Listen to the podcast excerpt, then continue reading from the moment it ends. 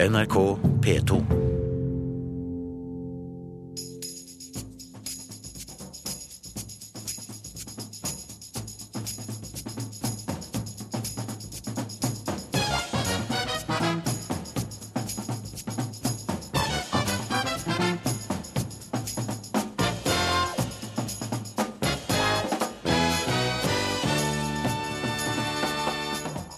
Er det riktig å nekte barna å ha mobil på skolen?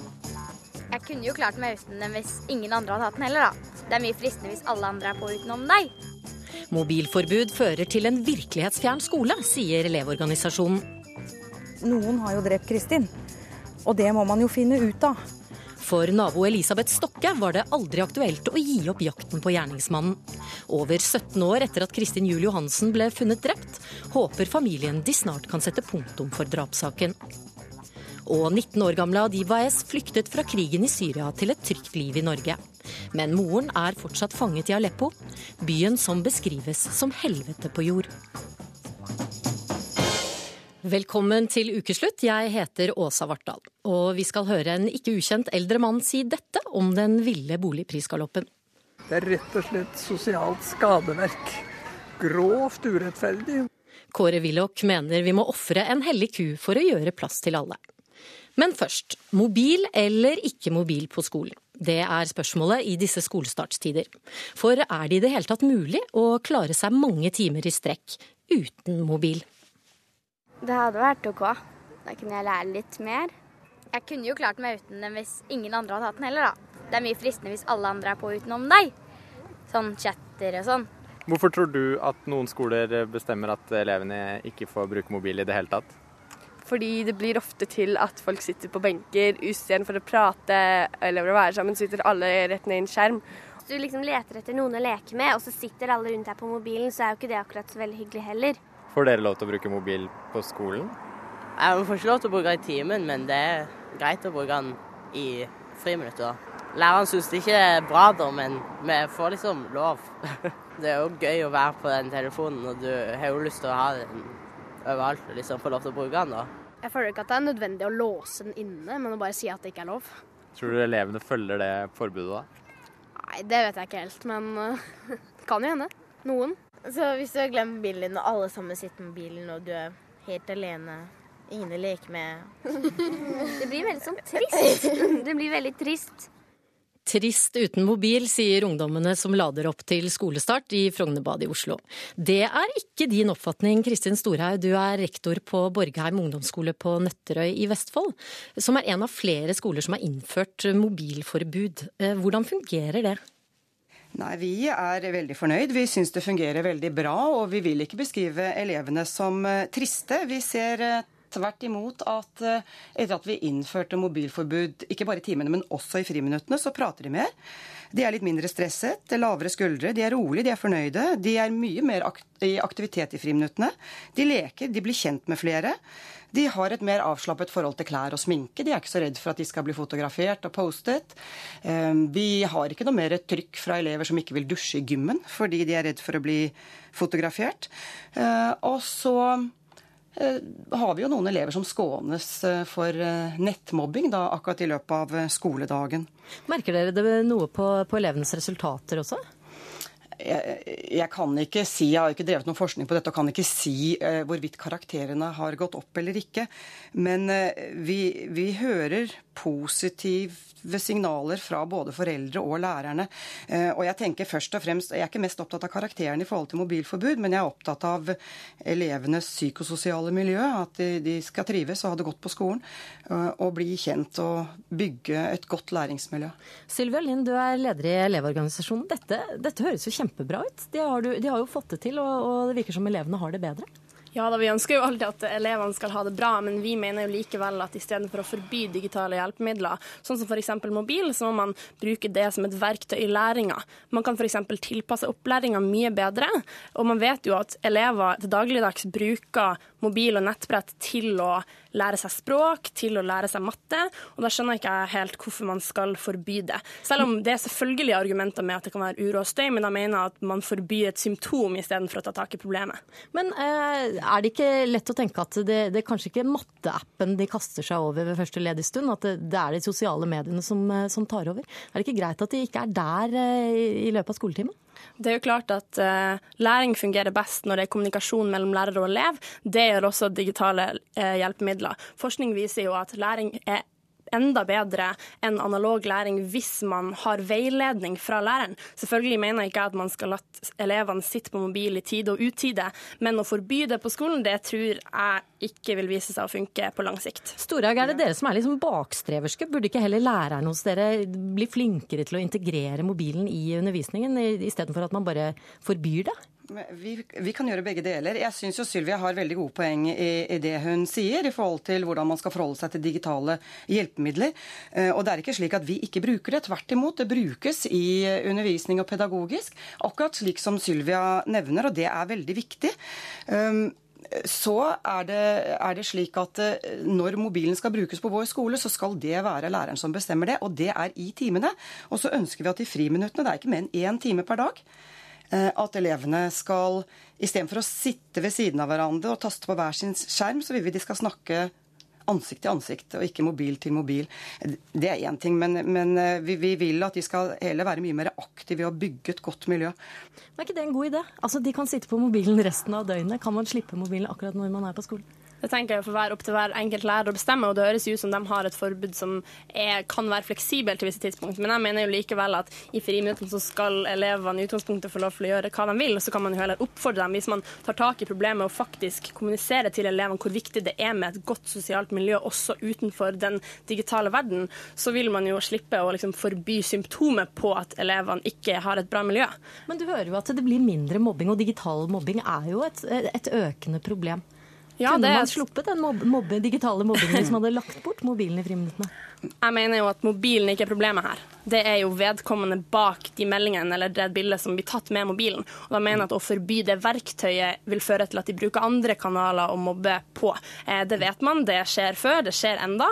Eh, og eh, som, Hege, nei, som Kristin tok til orde for i stad, så, så fjerner du bare på en måte et moment av dagen. De vil uansett få tilbake mobilen etter skoletid, og da vil jo den digitale mobben kunne fortsette likevel. Ja, det har du helt rett i, Sylvia, og jeg er enig i veldig mye av det du sier. Så er eh, poenget eh, vårt det er vi, vi, vi ønsker en bevisstgjøring rundt dette her. Så når vi har satt fokus på det, så får vi en stor bevisstgjøring, og vi får sånne diskusjoner som vi sitter og har nå. Og vi får eh, skriverier i avisa. Men er, ikke, men er, det ikke, nettopp, som hun sier, det er jo ikke mobilen nødvendigvis som er problemet. Er det ikke mobberen man må, må fjerne, og ikke mobilen? Ja, selvfølgelig. Og det betyr ikke at eh, vi eh, tar bort mobilen i friminuttene og så tenker vi at nå, nå, har vi jobbet eh, så det holder med mobbing og trakassering. Det er det ikke. Men det, det, som også er viktig for oss, det er jo å lære elevene en bevisst holdning til mobilen. Bl.a. dette her med nettavhengighet. Det at det er lov å skjerme seg. Det er lov faktisk å si til både venner og foreldre og en fremtidig arbeidsgiver at jeg er ikke online hele tiden. Mellom klokken da og klokken da så kan jeg ikke ikke nås. Ehm, det, er, det kan være vanskelig for mange rett og slett å føle at det du ikke må svare på alle SMS-er med en gang. Ikke må ta alle telefoner. Så vi ønsker, vi ønsker debatt rundt det, og vi ønsker, vi ønsker, å støtte elevene i det at de kan skjerme seg. Eh, og mange elever syns faktisk det er deilig eh, å kjenne på det at Mm, jeg er faktisk ikke tilgjengelig, og jeg må ikke sjekke alt. Selvfølgelig så er det jo bra å få til denne bevisstgjøringa som Kristin tar til orde for, eh, både når det gjelder nettbruk og nettvett. Eh, ja. Det er vi veldig veldig opptatt ja. av. Eh, men jeg tror ikke det kommer av å fjerne de digitale hjelpemidlene og på en måte fjerne nettet. Det tror jeg heller gjør med altså, gjøre det med faglig og pedagogisk kommunikasjon til elevene.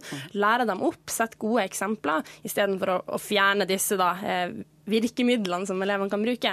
Eh, og få en diskusjon rundt temaet er veldig viktig. Også det å koble av er også kjempeviktig. Men jeg tror jo også det er noe å lære elevene å faktisk kunne prioritere å legge ned mobilen sjøl, istedenfor å frata den mobilen sånn at de er nødt. For da gjør jo ikke elevene det fordi de vil. Og da lærer man jo ikke dem ei holdningsendring som er liksom gjennomførbar da, eller anvendbar i andre situasjoner av dagen. Eh, da blir de på en måte tvunget til å, til å koble fra.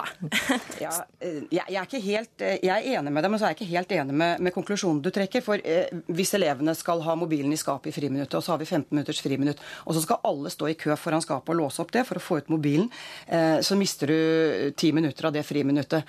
Eh, slik at vi tenker at det er mye bedre at friminuttene brukes i sin helhet nå til kommunikasjon, til samvær, eh, til eh, å bruke de apparatene vi har til fysisk aktivitet.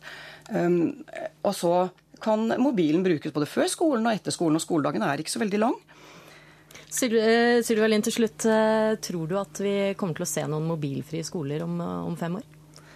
Mm, jeg håper ikke det. Jeg håper at man klarer å ta det i bruk som en ressurs istedenfor eh, for en byrde.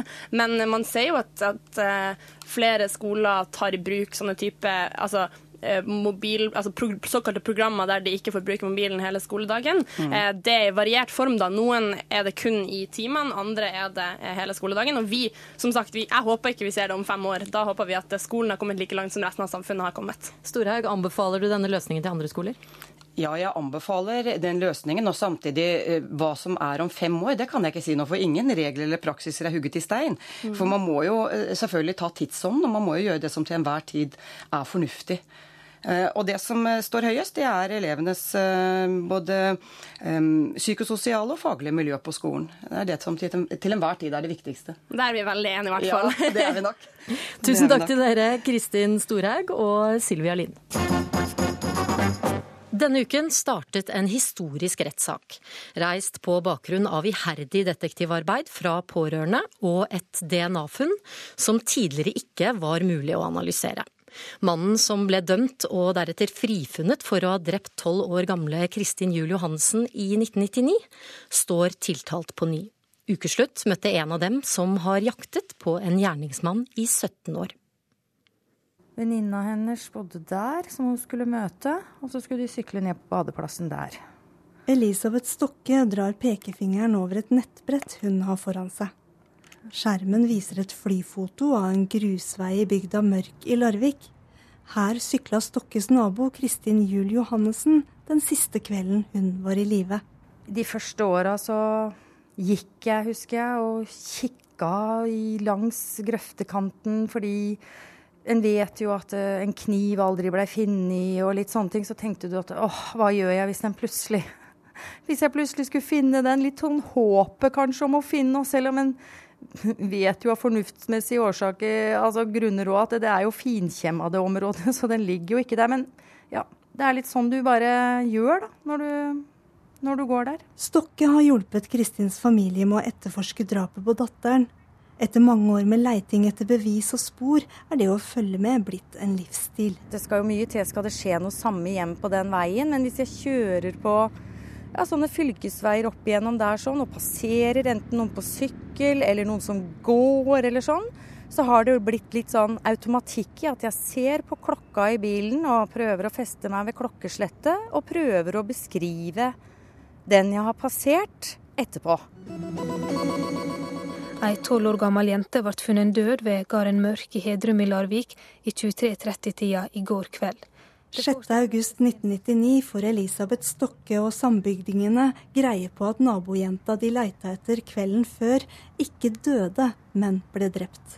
At noen har tatt livet av Kristin, og da blir det sånn Livet av Kristin? Hvorfor henne? Altså sånn Hun vet vi jo provoserer jo ingen. Vi vet at hun gjør jo ingenting for å liksom skulle irritere eller gjøre noe. Så hvorfor har man tatt livet av? Det var kanskje de tankene der som rasa mest da, da. Tirsdag denne uka. Han er kledd i dress, er tynnere og mørkere i håret nå. 39-åringen som ble dømt og så frikjent for drapet på Kristin i 2002, betrakter jurymedlemmene som tar plass i Borgarting lagmannsrett. De vil enten tro på han, som sier han var aleine under drapet og aldri har møtt Kristin, eller de vil tro på fjorårets gjennombrudd. Ny DNA-analyse førte til pågripelse av mann som tidligere er frikjent for drapet på tolv år gamle Kristin Juel Johannessen. Før det nye DNA-beviset kom på bordet, er etterforskningen full av nedturer for familien til Kristin. Etter drapet i 1999 pågriper politiet i Larvik først feil mann. Politiet i Larvik ber statsadvokaten henlegge drapssaken mot en 54 år gammel mann fra Sandefjord. Et knapt år seinere arresterer de mannen som i dag står tiltalt.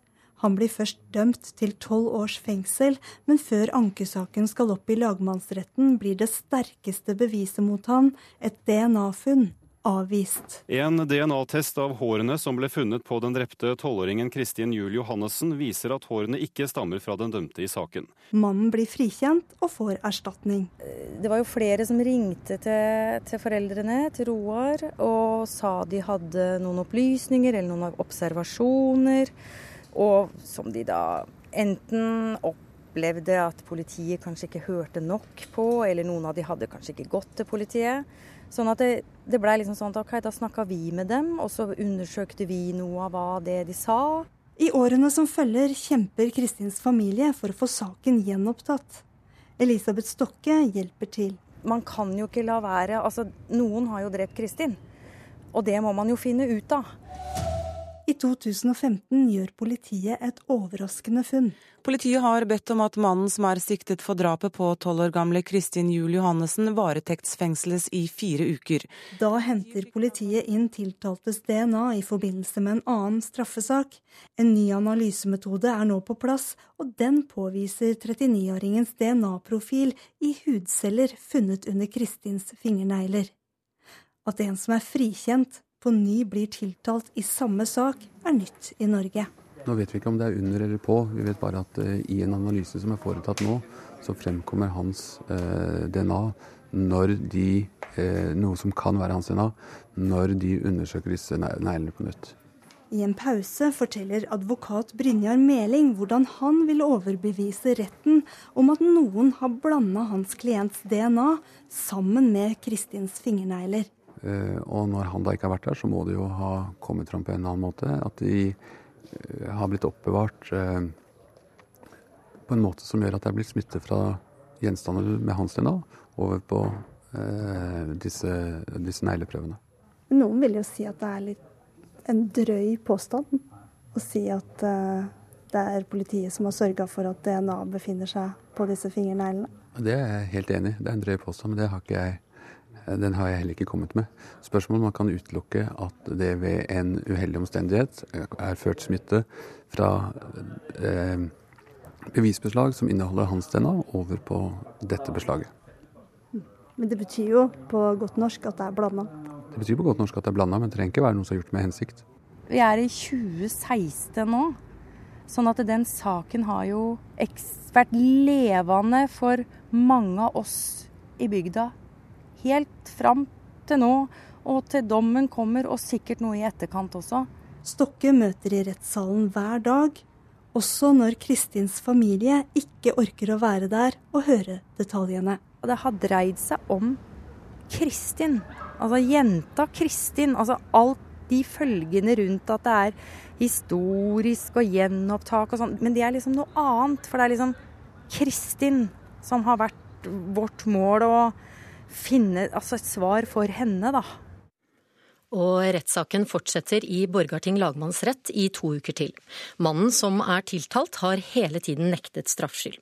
Reporter her var Kari Li. Festivalsommeren er langt fra over. Glem øya, glem Slottsfjell og glem tre Træna. I går og i dag samles nesten 20 000 ungdommer på Bislett i Oslo for å høre noen av de største stjernene innen elektronisk dansemusikk. Men eh, sitter du nå, som eh, mange av oss født før 1990, som et spørsmålstegn og lurer på hva i all verden EDM-musikk er? Her er en smakebit.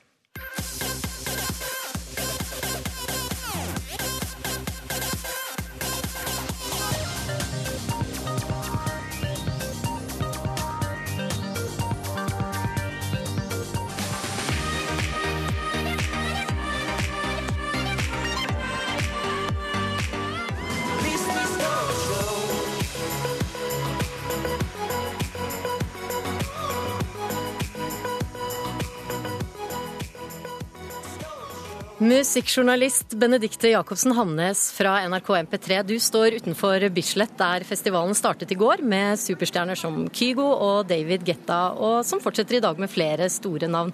Hvordan vil du beskrive stemningen inne på Bislett disse dagene? Det er supergod stemning. Folk er kjempeglade og danser og ler og koser seg. Og det er veldig få mobiltelefoner som er oppe i været for å filme, og det betyr jo at folk lever i øyeblikket. Og det er veldig positivt, for det skjer jo ikke så ofte på festivaler lenger. Musiker Knut Schreiner skrev i Ytring denne uken at Findings har noe øya ikke har, nemlig ungdom. Hva vil du si at eh, gjennomsnittsalderen på de eh, rundt deg der eh, er? Ja, det er, eh, det er, jo delt opp i to deler. da. Det er for de under 20, og så er det de over 20. Så jeg tipper vi ligger på et godt sted på kanskje rundt 23-24. Eh, da vil jeg anslå at snittet er. Men, men, da for alle oss som ikke, født, nei, som ikke er i den kategorien, vi som er eh, født litt tidligere enn 1990, hva slags musikk er dette? Hvordan, hvordan lages den? Den lages på eh, PC, eh, redigeringsprogrammer der, eh, hvor man kan spille inn lyder og vokaler og det som er. Og så redigerer de da dette og mikser det sammen til, til musikk, rett og slett. Og de som har fått til det, blant disse store artistene, så er det altså Kygo, Broiler, Seeb, Alan Walker, Lemaitre og Røyksopp. De er alle norske musikere som er blitt veldig store navn, og Norge er faktisk helt i verdenstoppen i denne sjangeren. Hvordan har de klart det? Hva, det? Hva må til eh, i denne, innen denne sjangeren? Det som må til, er jo at du er flink til å produsere, eh, og at du lager noe som fenger, som eh, folk vil ha. Og så er det også det at du må kanskje ha bitte litt eh, flaks og møte på de riktige menneskene, eller få musikken din spredd, sånn som nå via sosiale medier. Da. Men jeg syns i hvert fall disse som du nevner nå, de, de produserer ting som høres internasjonalt ut. Og det er et veldig godt tegn. Men når, hører, når, vi hører denne rekka, altså det, er jo, det, er jo, ingen kvinner her. Hvorfor, hvorfor, er det ingen eh, kvinner i toppen her? Det, det, er et veldig godt spørsmål. Jeg skulle jo selvfølgelig ønske at det var flere, men det er jo veldig mannsdominert. Kanskje kvinner må vise seg enda mer fram. Og så handler det jo om veldig mye tekniske ting. Og det kan jo være, hvis vi skal plassere kjønnene litt, at det kanskje jenter ikke er så fascinert av alt det tekniske som gutta er. For det er jo å sitte og skru og mekke og flikke på ting, så kanskje jenter ikke er så interessert. I går var det var høydepunktene Kygo og David eh, Getta. Hva, du, hva gleder du deg mest til i dag? Oh, I dag gleder jeg meg til Jeg gleder meg veldig til å se Broiler, eh, for de har jo skifta litt sånn stil. Jeg gleder meg til å se Lemaitre, jeg gleder meg til å se Røyksopp, eh, ikke minst. Og selvfølgelig Alan Walker. Det blir veldig bra. Stappfulle visninger og svimlende budrunder, det er virkeligheten for de som prøver å komme seg inn på et brennhett boligmarked. Vi er en liksom flokk med sauer, da. Så nå skal alle investere rundt Oslo sentrum. Kanskje må vi ta litt av marka for å få plass til alle. Og Rio-OL ligger an til å bli det dårligste OL for Norge på 52 år. Vi oppsummerer og spør om det fortsatt er håp.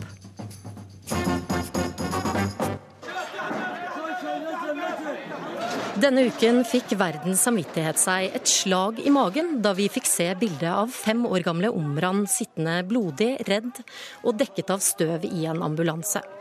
Han hadde akkurat blitt reddet ut av ruinene etter et bombeangrep i den syriske byen Aleppo.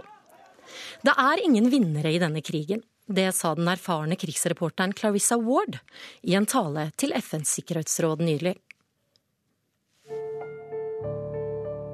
I've been a war correspondent for more than 10 years. I have been to Iraq, Afghanistan, Gaza, and every terrible conflict that you can think of. I have never seen anything on the scale of Aleppo. There are no winners in Aleppo. De få legene som er igjen i Aleppo, har bedt verden om hjelp i et åpent brev til Barack Obama. Situasjonen beskrives som verre enn noensinne. Adib Waez, du er 19 år gammel fra Aleppo, og du kom hit til Norge som enslig mindreårig asylsøker for tre år siden. Du har nettopp snakket med moren din, som fortsatt er i Aleppo, på telefonen. Hvordan beskriver hun situasjonen? Hun beskriver situasjonen på at det er utrolig grusomt. Hun har aldri opplevd eh, akkurat sånn situasjon for i livet sitt. Når jeg ringte henne, hun holdt på å gråte. Hun har sagt vi blir kastet ut av huset. Assad styrke har kommet og tatt over. Eh, vi har ikke fått beskjed om noen ting. Vi har bare vært hjemme. Så ser vi at noen bare åpner døra uten å banke på det engang. og så blir vi bare kastet ut. Og så tre dager før så har det vært bare bombing overalt på en helt fryktelig måte. Og så hørte vi at opprørerne vil ta over, da. Og så det er en veldig kraftig angrep at nå, nå er det vårt kamp, da. Og så Den ene dagen så opprørerne klarer det. Den andre dagen så ser vi russiske fly bare kommer og bomber overalt. Så det er absolutt ingen vinner. Har hun mat? Har hun vann? Det har den ikke. Eh, vann er veldig, veldig kutt på det. Eh, og når det gjelder mat, så er de fleste veiene som kommer inn til Aleppo, da, det er helt stengte. Så det er stor mangel, da. Bortsett fra det som er eien i butikkene som er i samme stedet. Og det har blitt fryktelig dyrt, sånn at det er umulig å shoppe noe, da. Men hun har jo da vært i Aleppo siden krigen, eh, siden krigen startet. Har hun noe håp? Nei, det har hun absolutt ikke. Hun bare sier at det er den ene dagen tar eh, opprørene over, og den andre dagen så er tar over. Det har absolutt ingen håp, for det bare skjer akkurat det samme hele tiden. Og det er nesten ingen våpenhvile, da. Så hun har absolutt ikke håp. Mm. Morten Rostrup, du er lege og tidligere president i Leger uten grenser. og og du sier at du ikke har opplevd noe lignende på dine 20 år i felt. Og du, du, har vært krigslege i mange tøffe situasjoner. Hva er det som gjør at det som skjer i Syria, som eh, Adib eh, beskriver her, hva er det som mm. gjør at det er verre enn alt annet? Si det som eh, slo meg og slått meg en del når det gjelder konfliktene nå i Midtøsten og etter den såkalte arabiske våren, at det har vært systematiske angrep på sykehus og på helsepersonell. Det er blitt en, eh, en veldig klar militær strategi. Dette har jeg aldri sett før. Før så var jo når vi var i en konfliktsone, så var jo ofte sykehuset det tryggeste stedet man kunne, man kunne være. Fordi man regnet med at alle ville respektere eh, internasjonal rett og ikke bombe dette. Nå ser vi i, i uh, Syria, og spesielt i Aleppo, at uh, man har mistet totalt respekt for folkeretten. Det gjelder ikke bare det at man, man, man bomber sykehus sønder og sammen og dreper leger som en strategi, men også, også butikker som selger brød, markeder blir bombet, skoler osv., slik at hele infrastrukturen ødelegges. Dette er i prinsippet eh, rett og slett terrorhandlinger mot sivilbefolkningen, sånn som vi hørte om nå. Og det er en forferdelig vanskelig situasjon. Hva forteller det deg at det faktisk er blitt en strategi i denne krigen? Det forteller at man har fått en så ekstrem brutalisering av krigføring nå og eh, at dette blir på en måte akseptert. I den forstand at vel, Sikkerhetsrådet de kan fordømme dette i en slags form for resolusjon, men de som gjør disse overgrepene og krigsforbrytelsene, eh, de blir ikke straffet. Det får ingen konsekvenser. Vi har igjen og igjen bedt om uavhengig granskning av disse episodene, men ingenting skjer. men hva mener du? Hva, hva, skal skje? Hva konkret bør det internasjonale samfunnet gjøre i den situasjonen? Altså man, man, med en gang man har mistanke om en krigsforbrytelse, slik som bombing av sykehus er f.eks. bombing av skoler og andre ting, så må det en uavhengig gransking til. Og man må akseptere resultatene, og de som da er ansvarlig, de må bli straffet for det. Men den etterforskningen vil jo kanskje ikke Det hjelper jo ikke de som sitter midt oppi den situasjonen i dag. Hva bør gjøres for å hjelpe da moren til eh, Adib og alle de andre som er der? Nøkkelen, nøkkelen her, sånn som jeg ser det, er stormaktene. Og det er Russland, det er USA. Disse har innflytelse på stridende parter. Og de har et meget, meget stort ansvar som de bør være seg bevisst. Og Hvis dette fortsetter, så, så skaper det presedens for mye krigføring framover som er forferdelig farlig. Disse legene, de gjenværende legene i Aleppo som skrev brev til Barack Obama, de skrev eh, bl.a. også at vi vil, ikke, vi vil ikke ha deres tårer, vi vil ikke ha deres sympati eller deres bønner. Vi vil ha handling. Hva kan en ting er hva politikerne kan gjøre. Hva kan vi eh, som enkeltmennesker gjøre i denne situasjonen? Jeg tror at det vi kan gjøre, er å ikke bli skal vi si, sløvet ned og nummen av det vi hører, men virkelig bli forarget over det som skjer.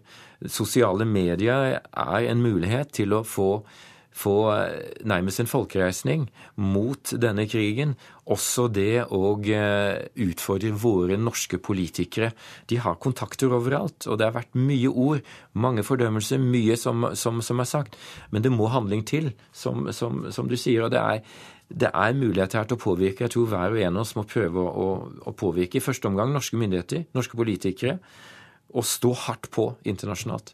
Hvordan tror du fremtiden vil, eh, vil se på måten verdenssamfunnet nå eh, handler eller ikke handler i, i, Syria? Jeg tror at dette blir en av de mørkeste, mørkeste epokene vi har, eh, iallfall på veldig lenge. Denne mangelen på respekt for menneskeliv. Dette med krigsforbrytelser en masse og det med å terrorisere en stor befolkningsgruppe over år etter år etter år. Det er ikke akseptabelt, og det er grusomt. Og, og jeg tror dommen som, eh, som, eh, vi får etter dette framover, den, den, vil bli veldig, veldig alvorlig og sterk. Adib, du har jo nå fått uh, fast opphold uh, i Norge. Du har uh, fått lærlingplass og jobb. Har du noe håp om noen gang å få vende tilbake til, et fredelig Aleppo? Det har jeg absolutt ikke. For de aller fleste jeg snakker med i Aleppo, de bare prøver sitt beste til å komme seg ut, men de finner ingen vei. Der alle grensene rundt er helt stengt. Så det er du har ingen valg enn å dø, liksom. Det er bare bongen over hodet ditt, og så du får Du kommer ikke noe sted heller. Så hvordan kan jeg som bor i Norge, ha håp til å komme tilbake? Så lenge jeg sier at det har vært siden fem år, eller fem år siden, og det bare fortsetter, og det blir bare verre og verre dag en dag. Så nei. NRK P2 Veksten i boligmarkedet, særlig i de store byene, vil ingen ende ta. Og det blir tøffere og tøffere for de som står utenfor, å komme seg inn. Reporter Sigurd Flæten dro på visning for å ta temperaturen på den elleville boliggaloppen. Skal du på visning òg, eller? Ja. Det er jo dyrt. Altfor dyrt. Men uh, sånn er det. Vi er på vei til visning. En 25 kvadratmeter stor toromsleilighet på Majorstua skal selges til en prisantydning på 2 190 000. Og boligmarkedet, det koker. Prisveksten i Oslo-området er nå så kraftig at enkelte spår den kan ende på 20 Pengefondet IMF er bekymret for prisveksten i deler av det norske boligmarkedet. sentralbyrå viser at befolkninga i Oslo vil øke med nesten 200 000 innbyggere i 2040. I Bergen vil Ja, det er. Leiligheten er styla for anledningen med en blå stilren sofa, ferske sherrytomater på kjøkkenbenken og levende lys. Et Ikea-bilde av en ulv stirrer ned på oss mens vi blir stadig flere i den lille stua. Ja, det er rift om objektene. Det renner over folk. Ja, det gjør det. Gøy, da. Vi tripper rundt hverandre. Venter på tur for å kikke inn på badet, som ble pusset opp i 2006. Ja, altså 15 stykker som har lagra annonsen. Eh, og litt over 3100 klikk på Finn-annonsen til i dag. Megler Henrik Øygarden kan vente seg en god pris. Boligprisen i Oslo har steget med 15,2% på et år. Nå er spørsmålet hvem av disse håpefulle som er villige til å gå lengst. Hva tror du hun går for mellom oss? Ut fra uttalelsen vi har fått allerede, så kommer vi garantert til å få noen bud. Eh, ja, det er bonanza, altså. Eiendomsmegler Karianne Amli er på vei til TV-opptak. Hun har solgt over 1000 boliger i sin karriere, og nå hjelper hun desperate boligkjøpere i programmet Boligjakten på TV3. Og nå har vi hatt oppi 150, faktisk 200 på visninger rundt i Gamle Oslo. Og det er sjukt mange. Og da blir jo prisene fort kanskje 700 000, kanskje også en million over prisantydning. Og folk er jo litt sånn Vi er jo en sånn flokk med sauer, da. Så nå skal alle investere i, rundt Oslo sentrum. Det som slår meg med den leiligheten på Majorstua, er selvfølgelig at den gir et veldig pent inntrykk på bildene. Men samtidig så ligger den jo da til 2 190 000. Det vil si at denne leiligheten her er det veldig mange som har råd til. Og det betyr mange folk på visning, og den her kommer sikkert til å bli solgt over den prisantydningen her, altså. Nå har du sett litt, hva du? Eh, det er jo ikke stort, eh, men det er dyrt. Vi treffer Line blant boligjegerne på Majorstua. Hun vil inn på markedet, og dette er den tolvte visningen hennes. Hun begynner å bli dreven på fellesgjeld, husleie, eieformer og budrunder. Tror du det? Hva tror du den går for? To sju, kanskje. Så godt over 100 000 for hver kvadratmeter? Ja. Så den lille firkanten vi står på her nå Den er dyr. ja. Prisene bare øker, da. mm. Så det er jo kjedelig. Det er jo kjipt, men jeg har ikke mista håpet helt ennå. Ja, dette er etter min mening et eksempel på at noe er fryktelig galt. Helt uholdbart. En liten spasertur fra leiligheten på Majorstua ligger Frognerparken. Lekeplassen er full av unger som ikke ofrer boligmarkedet en tanke. Da Kåre Willoch var statsminister, var gjennomsnittlig kvadratmeterpris på boliger i Norge under 5000 kroner. Boligprisene i Oslo-området og flere andre steder dessverre er meningsløst høye. Det er rett og slett sosialt skadeverk. Grovt urettferdig mot dem som er kommet inn i verden uten tilgang til slik hjelp som andre får. Alle er enige om at det må bygges mer for å dempe prisveksten.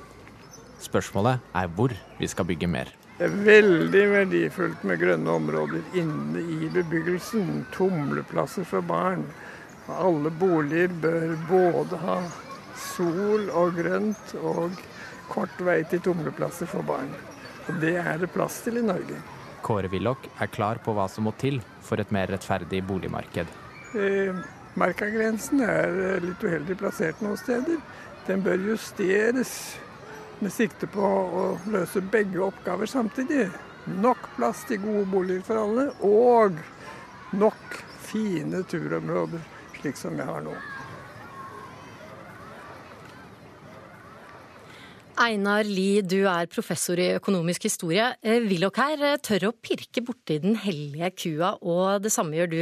I en kronikk i Aftenposten så kaller du Oslos boligpolitikk for en ulikhetsmaskin, og tar til orde for å bygge innenfor markagrensen. Hvorfor er det nødvendig?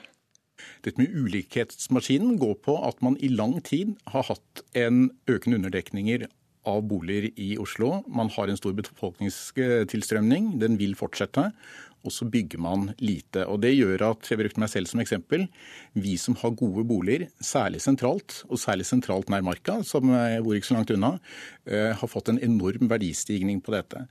Eh, og Det er noe urimelig med det. Altså er det mange ting man bør gjøre. Eh, ting som kommer høyere opp på listen enn markagrensen. Men det jeg argumenterer for, er at man bør se litt pragmatisk på markagrensa.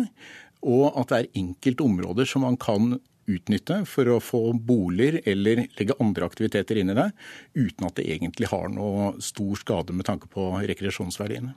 Ingrid Liland, du er leder i programkomiteen til Miljøpartiet De Grønne. Kan man tenke litt pragmatisk her? Markagrensen ble faktisk trukket i 1934 for å sikre trykk i kranene til folk.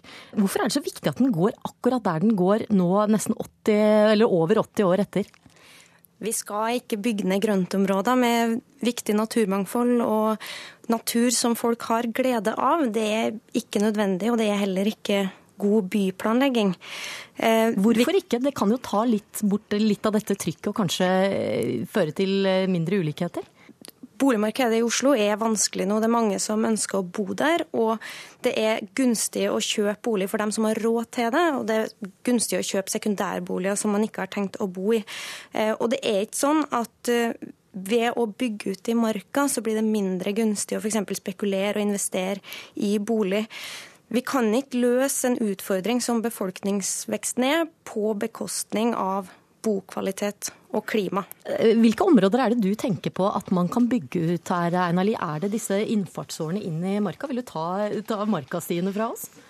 Nei, altså verken jeg eller noen andre ser for meg blokker opp til Ullevålseter eller andre steder hvor det går eh, mye mennesker. Men hvis man ser konkret på hvordan Barkagrensen går, så er det mange lommer og buktninger som går ned mot bebyggelsen. og det vil si at Det er lommer hvor man også har tilgang til infrastruktur, hvor det ville være ressursøkonomisk ganske gunstig å bygge.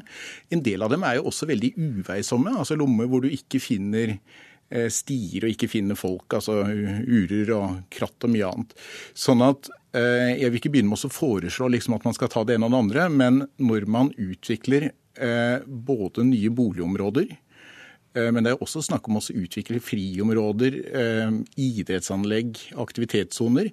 At man eh, er litt pragmatisk i forhold til hvordan denne grensen er trukket, med tanke på å produsere boliger og rekreasjons- og grøntområder til beste for hele befolkningen, men at man ikke lar den grensen trukket for lenge siden og veldig tilfeldig være helt definerende for, for eh, hva slags aktivitet man kan ha der. Liland, hvorfor vil det være så feil å ta disse litt sånn ubrukte områdene? Eh, det er fordi at vi vet hva god arealplanlegging er, og vi vet at det som eh, vil løse boligpresset i Oslo, er å fortette, det er å drive bytransformasjon der vi allerede har infrastruktur, der det vil gå raskt å bygge boliger, der det finnes kommunikasjon, sånn at folk får både jobber, boliger, barnehager, lekeområder nært seg, og slipper å bruke masse tid på å reise. Men vil ikke da nettopp en fortetting på den måten, vil ikke det gå inn utover de grønne lungene i inne i byen? Er det ikke bedre å ta litt av marka for å bevare de grønne lungene i byen, som, som jo ofte blir truet av utbygging? Vi skal også bevare de grønne lungene i byen, eh, men det er et stort potensial. og i Oslo og Akershus så er det flere knutepunkt og flere bysentrum som kan fortettes uten at det vil gå utover grønne lunger i byen, og uten at vi trenger å ta av den viktige bymarka. Ja, altså, dette har jo egentlig vært den politiske linjen i veldig veldig lang tid. Man har pekt på at Oslo har mulighet til å bygge inn på lang sikt kanskje mye som 100 000 boliger. Eh, det man ser er at det går veldig tregt. Eh, og man ser også rundt en del eksisterende prosjekter at det er veldig lite grønt igjen. Så ligger man langt etter i boligbyggingen, og man skal ha mye å ta igjen.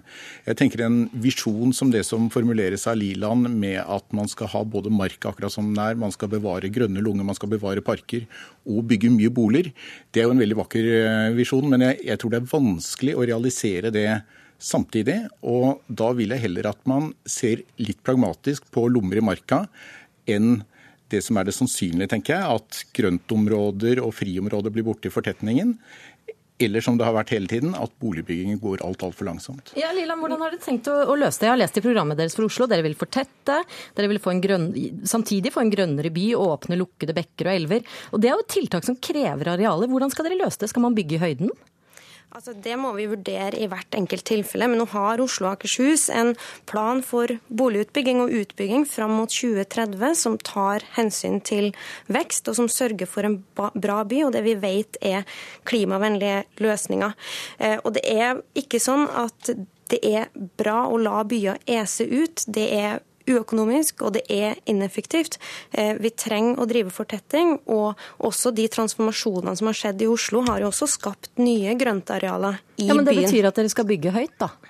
Det kan det bety i noen tilfeller, men det, er, det vil variere fra sak til sak.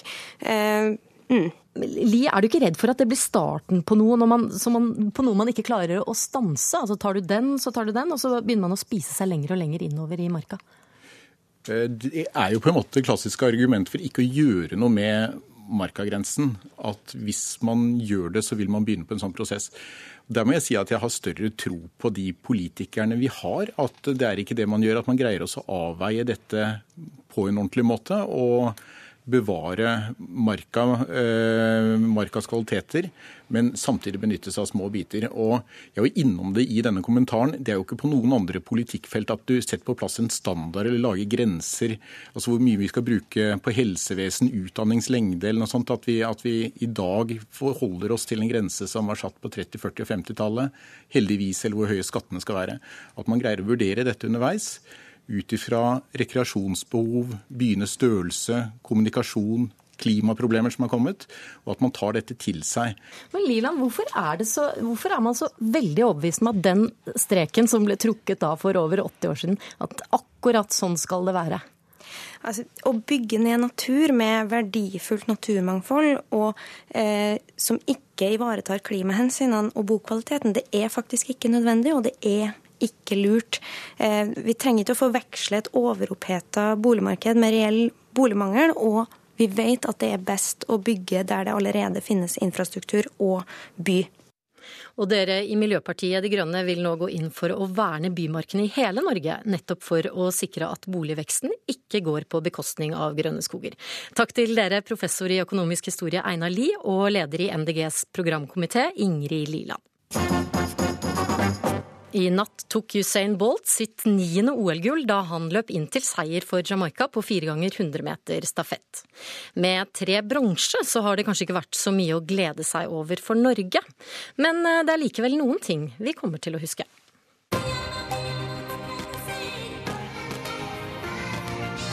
Holder du inn? Holder du inn? Der er kampen over! Ja da! Der er kampen Norge over! har vunnet bronse! Ai, ai, ai. Det smakte godt. Grattis. Å, fantastisk. Første medalje siden 92. Stig André Berge, bronse i OL.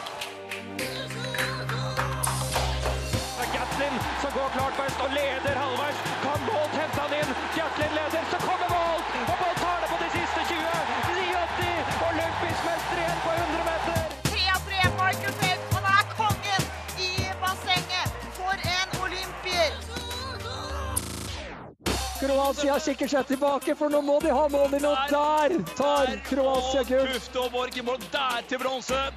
Akkurat nå så er jeg litt skuffa. Jeg at det kan mer enn det her. Nå trøkker til ned over oppløpet og går hele veien inn. Han vinner med fem meter foran André de Grasse. Bredal Oftedal holder på å skli, finte. Gir ballen til Kristiansen ut til Herre fra kanten. Lopper! Det går på utsida!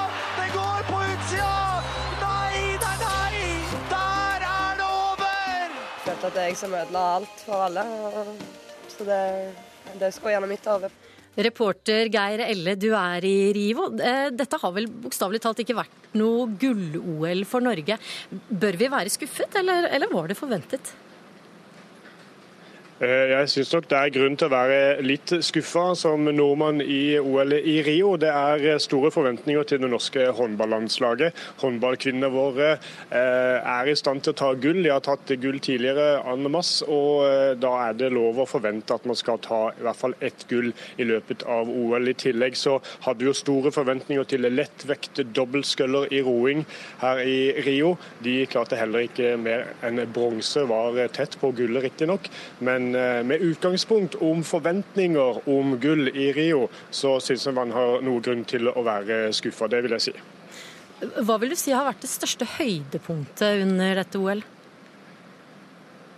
Der, eh, vi, vi hørte jo flere ting som eh, kan blande seg inn i, i, i tetkampen om å få være et stort, kanskje det største øyeblikket. Eh, av veldig mange så vil jeg nok trekke fram Michael Phelps. En levende legende er han blitt. Eh, I dette olympiske, disse olympiske lekene her i Rio så har han tatt sin 23. gullmedalje. Han er tidenes olympier. Han tok to gullmedaljer i, med én times eh, tidsforskjell, eh, eller intervall. Han har imponert så utrolig og kommet tilbake så sterkt eh, fra en periode hvor han eh, nesten var helt ute. Kommer tilbake og tar da fem OL-gull og en sølvmedalje i, eh, i OL i Rio. Sammen med mange andre i svømme, svømmehallen. Katie Ledecky, som tok fire OL-gull. Og så er det så vanvittig mye annet her nede som, som skjer. Men akkurat det største høydepunktet må nok være å se Michael Phelps svømme inn til sitt 23. OL-gull. Helt fantastisk. Men eh, det skjer jo ofte mye forskjellig under et OL. Hva, hva, hva har vært den store snak snakkisen i OL-byen? Du har jo vært der nå hele tiden.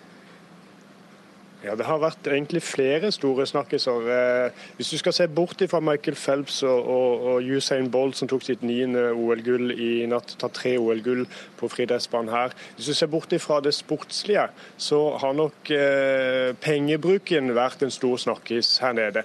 Pengebruken eh, som har vært helt enorm, det er snakk om 100 milliarder norske kroner. Eh, de har bygd enormt med anlegg her nede som skal rives etterpå.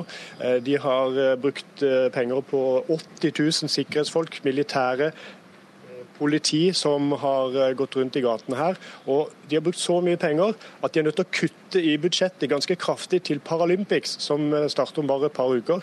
Så her har pengebruken vært en veldig stor snakkes. Mm. Men eh, man sier jo at det, for Norges del så ligger det an til å bli det dårligste OL på 52, eh, 52 år. Det er fortsatt noen øvelser igjen med nordmenn. Eh, Er alt håp ute, eller kan vi klare gull i siste innspurt? Ja, Vi skal være veldig optimistiske hvis vi skal tro på gull i dag f.eks. Nå er det jo bare to dager igjen. I morgen skjer det ikke så veldig mye sett med norske øyne. Så det vi må sette vår lit til i dag, da, det må jo kanskje være Gunn Rita Dale Flesjå, terrengsyklisten som deltar i sitt femte OL. Hun har 20 år på baken som terrengsyklist i internasjonalt toppnivå, og er en stor outsider, vil jeg påstå, på terrengsykling i dag. Og så er det Trine Røe Skaar som skal eh, eh, skal i aksjon i taekwondo. Eh, Der eh, er nok ikke håp om å få eh, gull veldig stort, men eh, så skal jente, håndballjentene våre konkurrere om bronse senere i dag. Så jeg tror nok ikke vi får noe gull her nede, dessverre. Nei. Tusen takk til deg, eh, Geir Elle. Vi har, eller jeg har fått eh, meteorolog Kristian Gislefoss inn i studio. Hvilke landsdeler eh, kommer til å bli værvinnere denne helgen? Du, altså Det er Midt-Norge som får mest sol. Eh, men vi kan jo begynne i nord, og eh, sånn som Finnmark, Troms og Nordland. Her blir det en dag med bygevær. Eh, I kveld så begynner det å regne ganske bra i Øst-Finnmark. Og morgendagen blir våt. 20-40 mm lokalt i Øst-Finnmark. Absolutt en våt dag. Og når det gjelder vinden, så ligger den nok på en nordvestlig liten kuling i Finnmark i morgen. Trøndelag med Romsdal, oppholdsvær og en del sol, men lokal tåke på kysten. Og så blir det noen ettermiddagsbyger både i dag og i morgen. Vestlandet sør for Stad, her blir det ja, etter hvert regn i Rogaland, og utover eh, ja, senere i ettermiddag så vil dette også komme til Hordaland og i kveld Sogn og Fjordane. Og i morgen og, ja, stort sett oppholdsvær, men også noe sol. Og Østafjells, Sørlandet, Telemark og Østlandet. Her blir det etter hvert regn på Sørlandet. Dette drar seg videre da til Telemark, og i kveld og i natt når det Østlandet. I morgen enkelte regnbyger kan ende med torden. De kraftigste bygene de går på Sørlandet. Det var ukeslutt. Ansvarlig for sendingen Camilla Skarra. Teknisk ansvarlig Marianne Myrhol. I studio Åsa Vartdal. Ha en fin helg.